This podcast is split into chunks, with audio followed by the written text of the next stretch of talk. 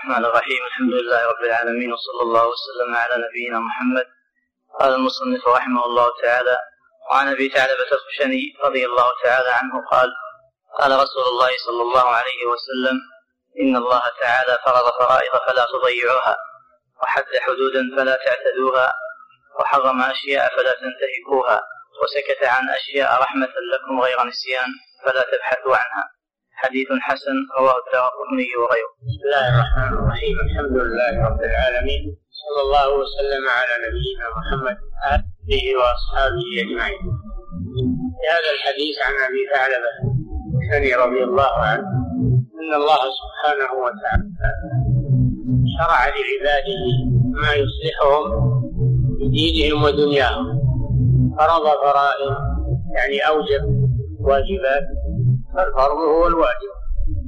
وقيل إن الفرض آكد من الواجب. والواجب هو الفرض هو ما يثاب فاعله ويعاقب تاركه. هذا هو الفرض. فرض فرائض يعني أوجب واجبات وألزم بها من الطاعات العبادات صلوات الخمس الزكاة صوم رمضان حج بيت الله الحرام وبر الوالدين وغير ذلك من الواجبات الواجبات التي بين العباد وبين الله والواجبات التي بين العباد بعضهم مع بعض من بر الوالدين وصلة الأرحام والإحسان إلى المحاويج. هذه فرائض لا يجوز تركها ويلزم فعلها فلا تضيعوها تتركوها أو تتساهلوا بشأنها لأنها من مصلحتكم ومن قوام دينكم. الدين قائم على الفرائض والواجبات وبعدها المستحبات من الطاعات فإن النوافل تجبر الفرائض إذا حصل فيها نقص تكملها والمستحب هو ما يثاب فاعله ولا يعاقب تاركه. هذا هو المستحب. وحد حدودا حد لكم حدودا. الحد هو الشيء المانع. الله وضع موانع للعباد. لا يتجاوزونها من المباحات تغنيهم عن عما حرم الله عليه. الله أحل لعباده الطيبات حرم عليهم الخبائث. فهناك حلال وهناك حرام. هذه حدود الله سبحانه وتعالى. فالمباح لا يتعدى تلك حدود الله فلا تعتدوها.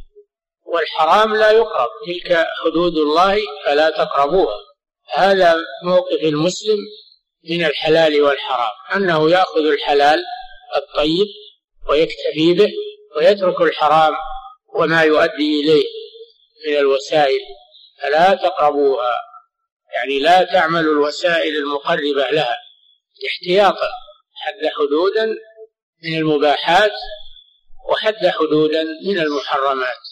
الحلال يؤخذ والمباح يؤخذ والحرام يترك. هذا هو شأن المسلم. أنه وقاف عند حدود الله عز وجل لا يتجاوزها.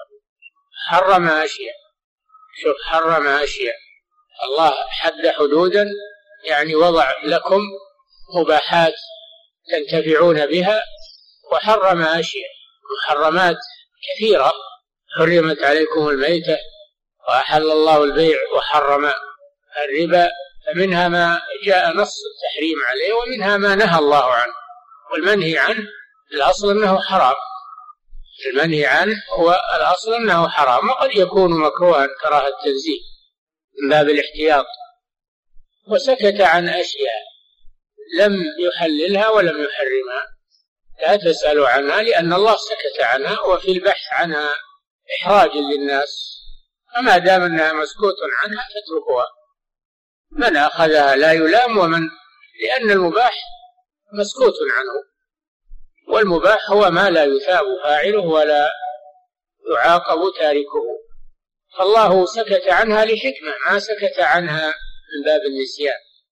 سكت عنها رحمة بكم لئلا يشق عليكم غير نسيان. فإن الله جل وعلا لا ينسى. لأن النسيان نقص. وذهول الله جل وعلا لم يسكت عنها نسيانا لها وإنما سكت عنها رحمة بكم لئلا يضيق عليكم. فلا تبحثوا عنها؟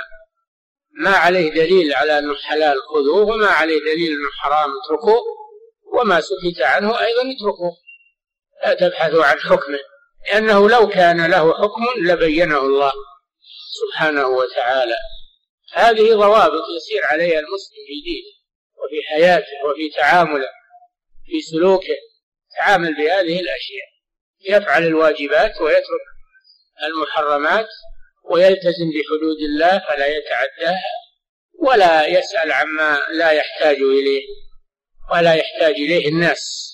يا أيها الذين آمنوا لا تسألوا عن أشياء إن تبد لكم تسؤكم إن تسألوا عنها حين ينزل القرآن تبد لكم. عفى الله عنها. والله غفور حليم. قد سألها قوم من قبلكم ثم أصبحوا بها كافرين. تكلفات التي لا يحتاج إليها والأسئلة التي لا يحتاج إليها هذا منهي عنه. إنما تسأل بقدر حاجتك فقط. ولا تتكلف شيئا لا تحتاجه. ولا يحتاجه الناس.